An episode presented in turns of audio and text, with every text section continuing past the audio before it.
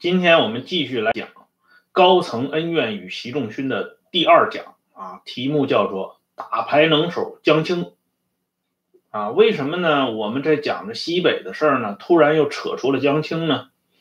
这个话呢，是要从我们上一次啊，在众论西北帮时啊，曾经留过一张比较啊粗略的联络图说起。啊，当时呢，我给大家勾画出一张联络图啊，说这张联络图呢，啊，维系着啊，当时西北革命根据地的一些主要的领导人。在这张联络图上呢，现在我要说啊，有两个焦点需要大家格外的关注。这两个焦点呢，一个是起点杨虎城，一个是终点习仲勋啊，把握住这两个人物。你再来看啊，西北革命根据地的形成发展，以及他们啊，在这个西北革命根据地上演的一出出悲喜剧啊，自自然呢，也就是相当清楚了啊。我们在聚焦杨虎城和习仲勋之前呢，我先给大家介绍一位啊传奇人物，此人呢，外号叫小杨虎城。这也是我们为什么要关注他的原因。他的大名呢叫郝克勇啊，曾经啊被毛泽东亲自起过一个化名叫范明。此人呢是一九三二年啊加入共青团，一九三八年啊转入中共，三八年入党的人，但是呢，在一九五五年啊被评为。少将军衔，应该说呢，三八年入党，这个资历呢是比较浅的。可是呢，能够在一九五五年跻身到将帅的行列里啊，这足以说明这个人的背景是很深的。因为在那个时候呢，三八年入党的履历啊经历，他能够啊被评为少将军衔的屈指可数，这么几个人啊，包括殷子烈的父亲啊等等这些人啊，殷锡鹏这些人。无一不是啊，有着深厚的背景和特殊的专长啊，才受到高层如此的期许啊，以至于呢破格啊评为少将军衔啊。那个时候的少将跟今天的少将这个含金量可是不一样的啊。范明呢是二零一零年去世的啊，他去世以后呢啊，受到一个高规格的礼遇。啊，当时的一位重量级的领导人，担任中共中央政治局常委和书记处书记、国家副主席的啊，派他的亲属呢参加了范明的啊遗体告别仪式啊，而且呢，这位领导人呢还给范明啊送去了花圈。这就是为什么啊我们要着重讲一下这个范明的原因之一啊。原因之二呢，就是因为这个范明啊，他到枣园去见毛泽东啊，引发了一连串的事情啊，和我们稍后要讲到的这个鸿篇巨卷啊，西北革命这种波澜壮阔的这个历史场景有那么一丝丝的联系啊，而且通过范明到枣园去见毛泽东，在这个整个过程当中啊。发生的几个非常有意思的小故事、小细节，又能帮助大家呢解开啊一个又一个的小谜团啊。我们先来介绍一下这个范明啊，范明呢，我们刚才说了啊，他的本名叫郝克勇，他的爸爸呢啊是郝鹏程啊，这郝鹏程呢，杨虎城管郝鹏程叫六哥。啊，可见呢，他和杨虎城的关系是很深的啊。杨虎城起家的时候呢，那个时候刚开始拉杆子啊起反，那个时候杨虎城只是个营长啊，他手下呢编了几个连，这独立连的连长就是范明的老爹郝鹏程。郝鹏程这个人是相当有来头的啊，讲武堂出身，后来参加张凤会领导的啊辛亥陕西革命，他是第一个。冲上西安满城的人啊，这个西安有驻防将军嘛，就是这个满洲贵族啊派在西安的这个满人担任西安将军，监视这个西北地区的啊这些汉人啊。这个满城修筑的非常牢固，可是呢，这个范明的老爹啊，这个郝鹏程啊是这个练家子啊，会点这个功夫啊，加上这个人呢艺高人胆大，第一个爬上了满城啊，打起了大旗。这是他在陕西啊军界政界崭露头角的第一件事。第二件事呢，就是西安历史上最有名的啊二虎守西安。就是杨虎城、李虎臣啊，把守西安长达八个月，抗拒镇嵩军刘振华的进攻啊，从而呢，保障了整个的陕西的革命形势啊，进一步高涨。在二虎守西安的过程当中呢，郝鹏程再立新功，他奉命把守北门啊，将北门搞得是固若金汤，以至于镇松军的刘振华啊，发出一个特殊的悬赏令，就是。谁能够为我砍下郝鹏程的脑袋，我就赏谁三万块现大洋啊！这个赏格之高啊，也是令人吃惊啊！但是呢，郝鹏程命很大，脑袋没有被砍下来。第三件事呢，就是当西安事变发生之前啊，杨虎城再一次想到了他的这个六哥，他请郝六哥准备担任南路总指挥，但是呢，这个动议呢后来没有实行。等到西安事变发生以后呢，赵寿山担任西安市公安局局长啊，赵寿山提名郝鹏程担任东关分局局长啊，公安分局局长，帮助赵寿山维持整个西安城的这个治安和秩序啊，这是郝鹏程干的第三件大事啊。这个干过三件大事的郝鹏程啊，把三个儿子啊都送进了共产党的队伍啊，这可以说是一家子都是这个。带有浓重左倾色彩的啊，可是呢，这位老人啊，到了一九四九年啊，中共建政以后呢，他收到的这个礼物呢，却是这个土改工作组啊赏给这老头的啊两记啊重重的大耳光啊，这俩大耳刮子扇的老头啊是晕头转向啊，眼冒金星，而且呢。郝鹏程的脸上啊，不仅挨了这个大耳光，郝鹏程的祖宗啊也挨了大耳光。为什么呢？郝家的祖宗牌位啊，被这土改工作组都给砸了个稀巴烂啊，认为郝鹏程是恶霸地主啊，可以进行无情打击啊，无底线斗争。这个时候的范明呢，就坐不住了啊，因为毕竟为人子啊啊，他呢就想到了他的。一位好朋友啊，当时担任中共西北局书记的习仲勋啊，他给习仲勋写了一封信，把他父亲的这个惨状啊向习仲勋做了介绍。当然，信里头不好过多的描述啊。习仲勋收到信以后呢，很快回信，并且指示有关部门啊对郝家的这个事情马上进行过问。经过习仲勋的指示和过问以后呢。郝鹏程的境遇呢有所改善，到了一九五五年啊，被安排进入陕西省政协担任委员。但是这个老爷子呢，经历了这么一番惊吓和侮辱以及殴打之后呢，呃，一年多的时间就故去了啊。那么范明啊，他和习仲勋怎么就成了好朋友呢？啊，这就从范明的啊。另外的啊两层关系来解释，一个呢是范明有一个伯父啊叫郝龙光，实际上呢是堂伯，但是那个时候呢是大家族，大家都住一都住一块儿啊，他也就叫他是伯父啊。这郝龙光呢是谁的顶门杠呢？就是说他是当时陕西民军著名首领啊胡景翼手下的一员虎将啊，这个。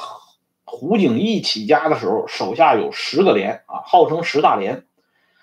郝龙光就是他十大连当中的一位啊，少校连长。连长一般咱们都知道，也就是个上尉啊。可是呢，这郝龙光是少校军衔啊。郝龙光这个人打仗非常拼命，所以呢，在袁世凯称帝以后呢，他在同这个北洋军作战的过程当中呢，战死了后来还专门啊在富平为郝龙光立了这么一块碑啊。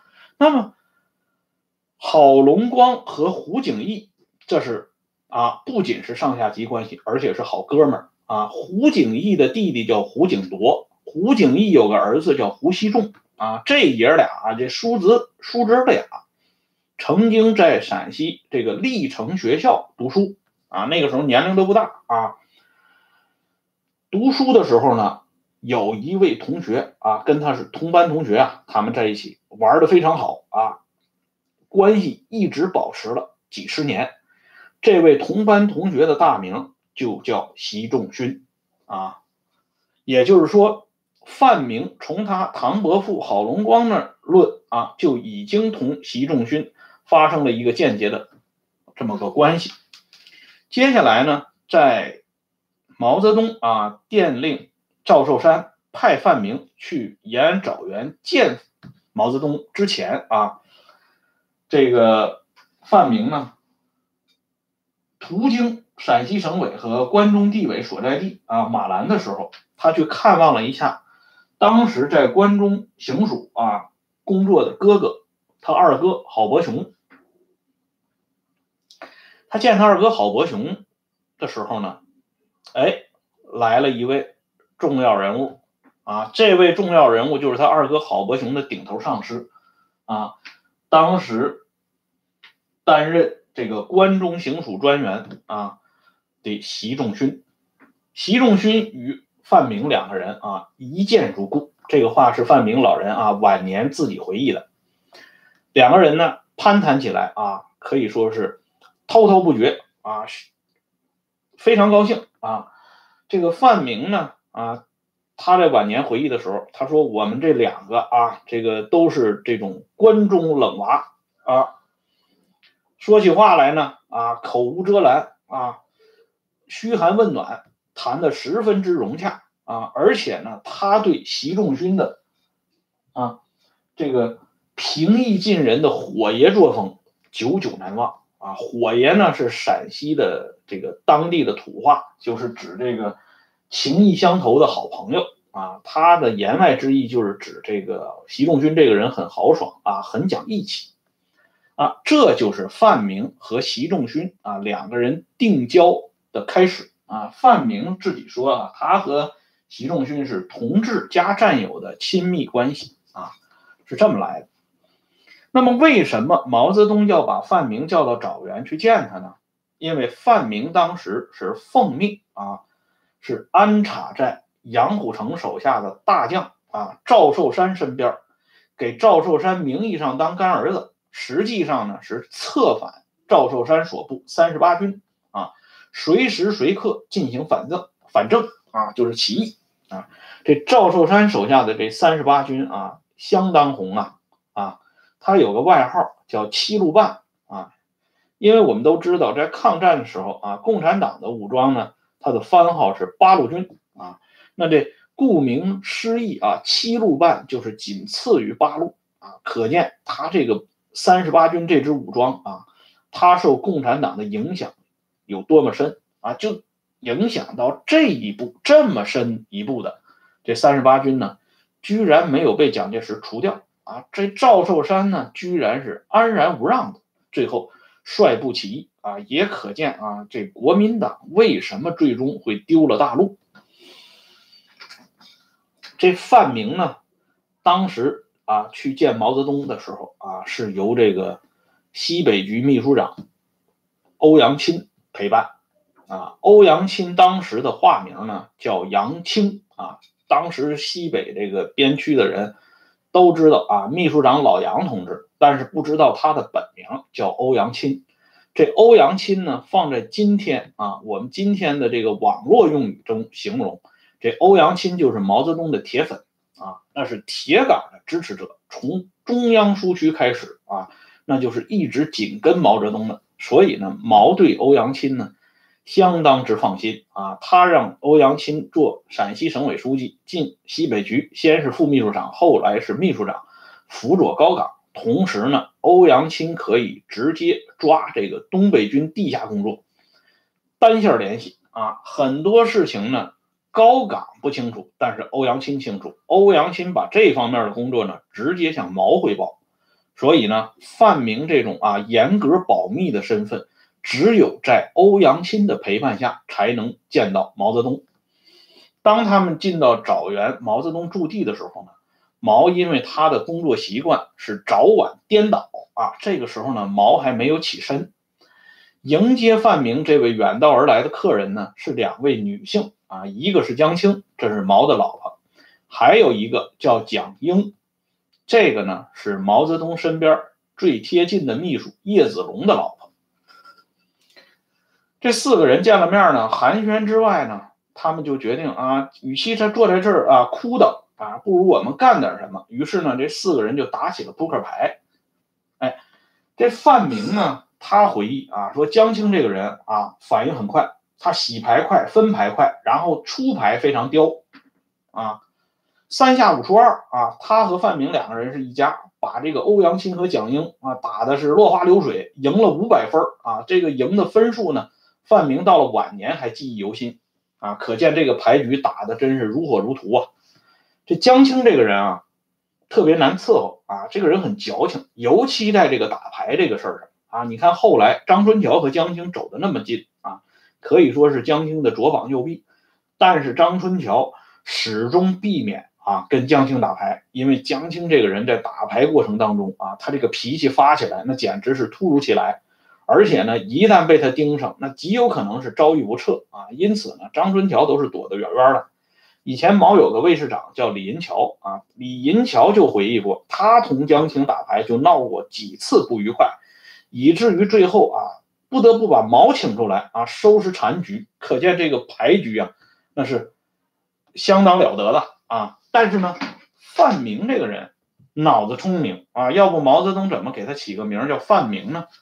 他把江青啊伺候的很舒服啊，江青赢了以后呢，很高兴啊，对这个范明的印象就好了啊。这个时候呢，出了一个这个插曲，因为你江青高兴了，他就有人不高兴啊。这不高兴的人就是叶子龙的这个老婆蒋英。你知道那个时候的江青呢，还不是后来的文化旗手啊。尤其那个时候，共产党呢是偏霸局面，局处在陕北那么一小块地方。这个上下级之间的这种这个森严的这个等级呢，还没有完全划分出来。江青和蒋英关系不错啊，蒋英呢就说，江青和范明呢肯定是耍赖啊，打牌耍赖，做了手脚。哎，这个时候江青呢。心情好啊，笑呵呵的就回应蒋英说：“你不知道啊，咱们这位客人那是统战工作方面的能手啊，这个人呢，把这个对方的这个情况呢掌握的非常准确啊，所以人家出牌才会打的你是这个晕头转向啊。你爸爸啊，就说蒋英，你爸爸的情况，人家就知道。哎，这蒋英一听。”来的这客人知道他爸爸这情况，哎呦，这下子坐不住了，马上就这个拉着这个范明啊啊，让这范明给他做证明啊，这又是怎么一回事呢？因为当时呢，抢救运动已经开始了啊，四二年十二月份，哎，这蒋英虽然啊，她丈夫是毛泽东身边的工作人员，但是呢，她也被啊扣上了一顶特务高子的帽子啊。什么叫特务高子？就是说他爹是特务，你是特务的孩子，你就是特务高子。哎，蒋英啊，无以自明啊，他浑身是嘴，他解释不清楚，他就找人啊，对吧？认识毛泽东啊，他去找毛，毛说：“哎，这个事儿你不要放在心上啊，黑的不能说成白的。”然后他又去找李富春啊，李富春说：“你放心吧，你的情况我都了解啊。”他又去找彭真啊，彭真说。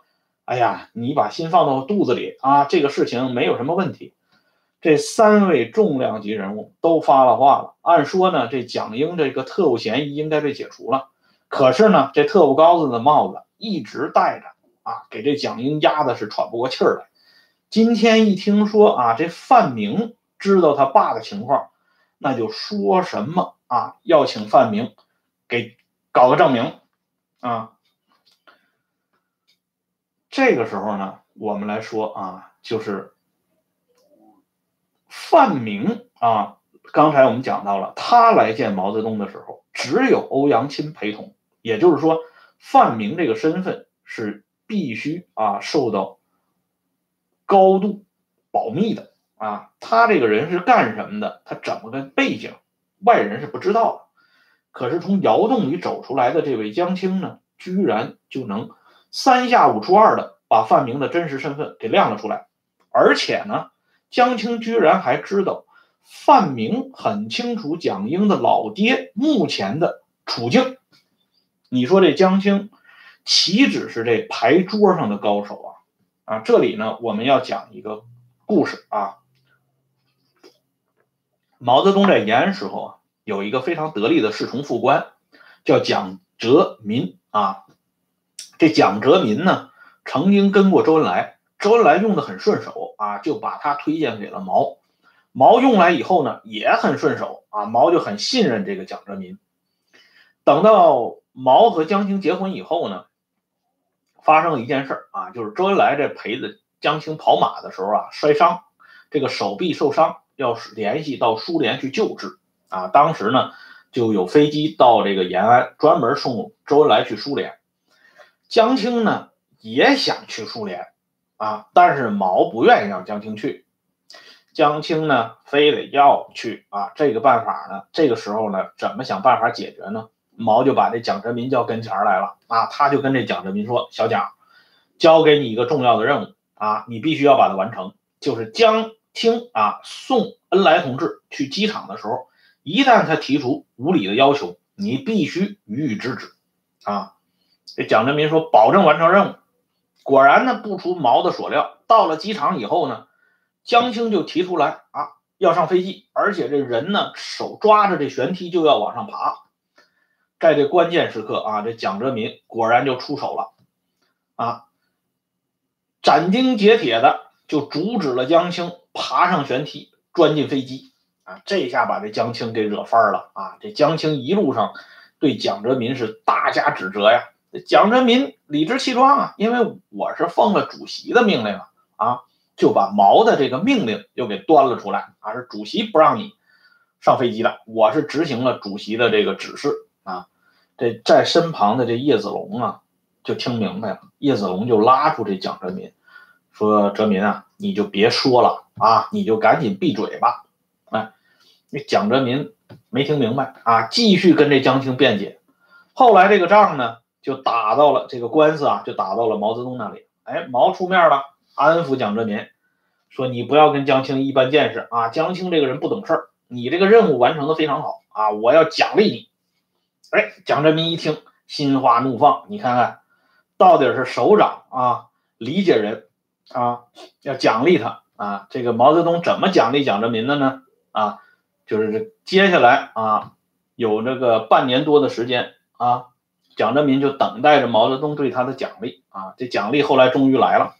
上级领导呢找蒋哲民谈话啊，说这个经过组织研究决定啊，准备呢把你派到重庆去啊，到周恩来啊副主席身边工作啊，你是老马识途嘛，当年就在这个恩来同志身边工作过啊，你这回又回到他身边，哎，这蒋哲民就懵了啊，本来他在延安伺候毛泽东伺候的好好的啊，这主席还说要奖励呢，这怎么就给一竿子支到重庆去了？但是组织讲了啊，这个你不要问了啊，你就是服从安排就行了。于是呢，这蒋哲民只好啊，这个夹起这个行李卷啊，就哎上了道了啊，上路去了重庆了。哎，这就是毛泽东说好的给这个蒋哲民的奖励啊，也就是说，蒋泽民。拦阻了江青的结果是他自己啊被调离了毛泽东的身边啊，这里头究竟有什么样的细节？我相信大家不难分析和判断。那么现在我们回到刚才说的这个话题啊，蒋英的父亲蒋听松是老资格的共产党人啊，曾经与这个西北的啊拨火者魏野畴齐名啊。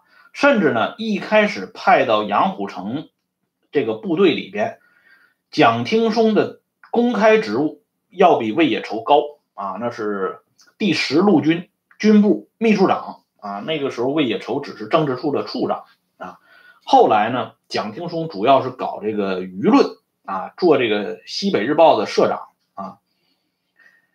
在范明啊来到这个枣园的时候，这个时候呢，蒋廷松已经给派到了卫立煌所部担任高参啊，高级参议啊。蒋英实际上根本不是什么特务高子啊，人家是不折不扣的红二代啊。这个情况实际上江青说出口的时候就已经说明啊，这毛江夫妇已经掌握了这个蒋英及其啊老爹蒋廷松的全部情况。可是呢，蒋英啊，直到这个时候。啊，居然脑袋上还顶着这个特务高子的帽子，摘不下来。啊，这就让我们想起另外啊一幕非常有趣的事情啊，就是毛在井冈山时期的老战友曾志啊，陶铸的夫人曾志。曾志在延安的时候也受到啊这个这个审讯啊，受到这个怀疑啊，而且呢关了很长时间，大概有一年多的时间。这曾志啊，也是处在百口莫辩的时候，这个状态。于是呢，这曾志就想起了他和毛泽东的这个渊源，他给毛就写了封信啊，写了一封长信呢，把自己心里的这些委屈啊、故事的经过呀，都原原本本的向毛进行述说。可是呢，这老战友接到他这信以后呢，没有回啊，一直到了一九四四年啊，就是曾志呢已经被甄别出来不是特务了。啊，在给毛泽东祝寿的时候，他在舞会的时候见到了毛啊。他说：“这个主席，我给你写的信你收到了吗？”哎，毛泽东说：“我收到了。”然后毛就说了一句话：“啊，我理解你的心情。”完事儿了啊。也就是说什么呢？在毛明明知道啊这些人到底啊有没有特务嫌疑啊在这个情况下呢，毛始终没有发一言啊。去解救他们，没有说这个话，这就让我们想起啊，刘兰波啊，在这个四千人众论毛泽东时候，他讲的一句话：毛是从来不下坠己诏的，也就是说，抢救运动、审干运动是毛一手发动的啊，他绝不会因为啊，像曾志啊、蒋英这些人啊，曾经与他是战友，或者说正在他身边乱窜啊，这即使是这样的关系，他也绝不会。站出来替他们平功摆好，为他们摆脱困境啊！因为要顾全大局，这个大局是什么？就是审干，就是抢救，就是抓特务啊！而江青呢，啊，在不经意之间的这一句话啊，就把这个小谜团替我们提前解开了啊！同时解开的啊，还是毛泽东和江青的这种特殊的关系啊！刚才我们讲到。侍从副官蒋哲民的遭遇的时候，也是这个意思啊。范明呢，在征得欧阳钦的同意啊，这个事儿必须要欧阳钦同意。两个人一对眼神儿啊，欧阳钦给这个范明使个眼色啊，范明就明白了，欧阳钦同意了。于是呢，范明就答应给这个蒋英写一个证明。这蒋英简直是如蒙大赦呀啊！这个范明晚年还回忆啊，这个蒋英是热泪盈眶啊，啊，千万谢的向他这个啊道谢啊。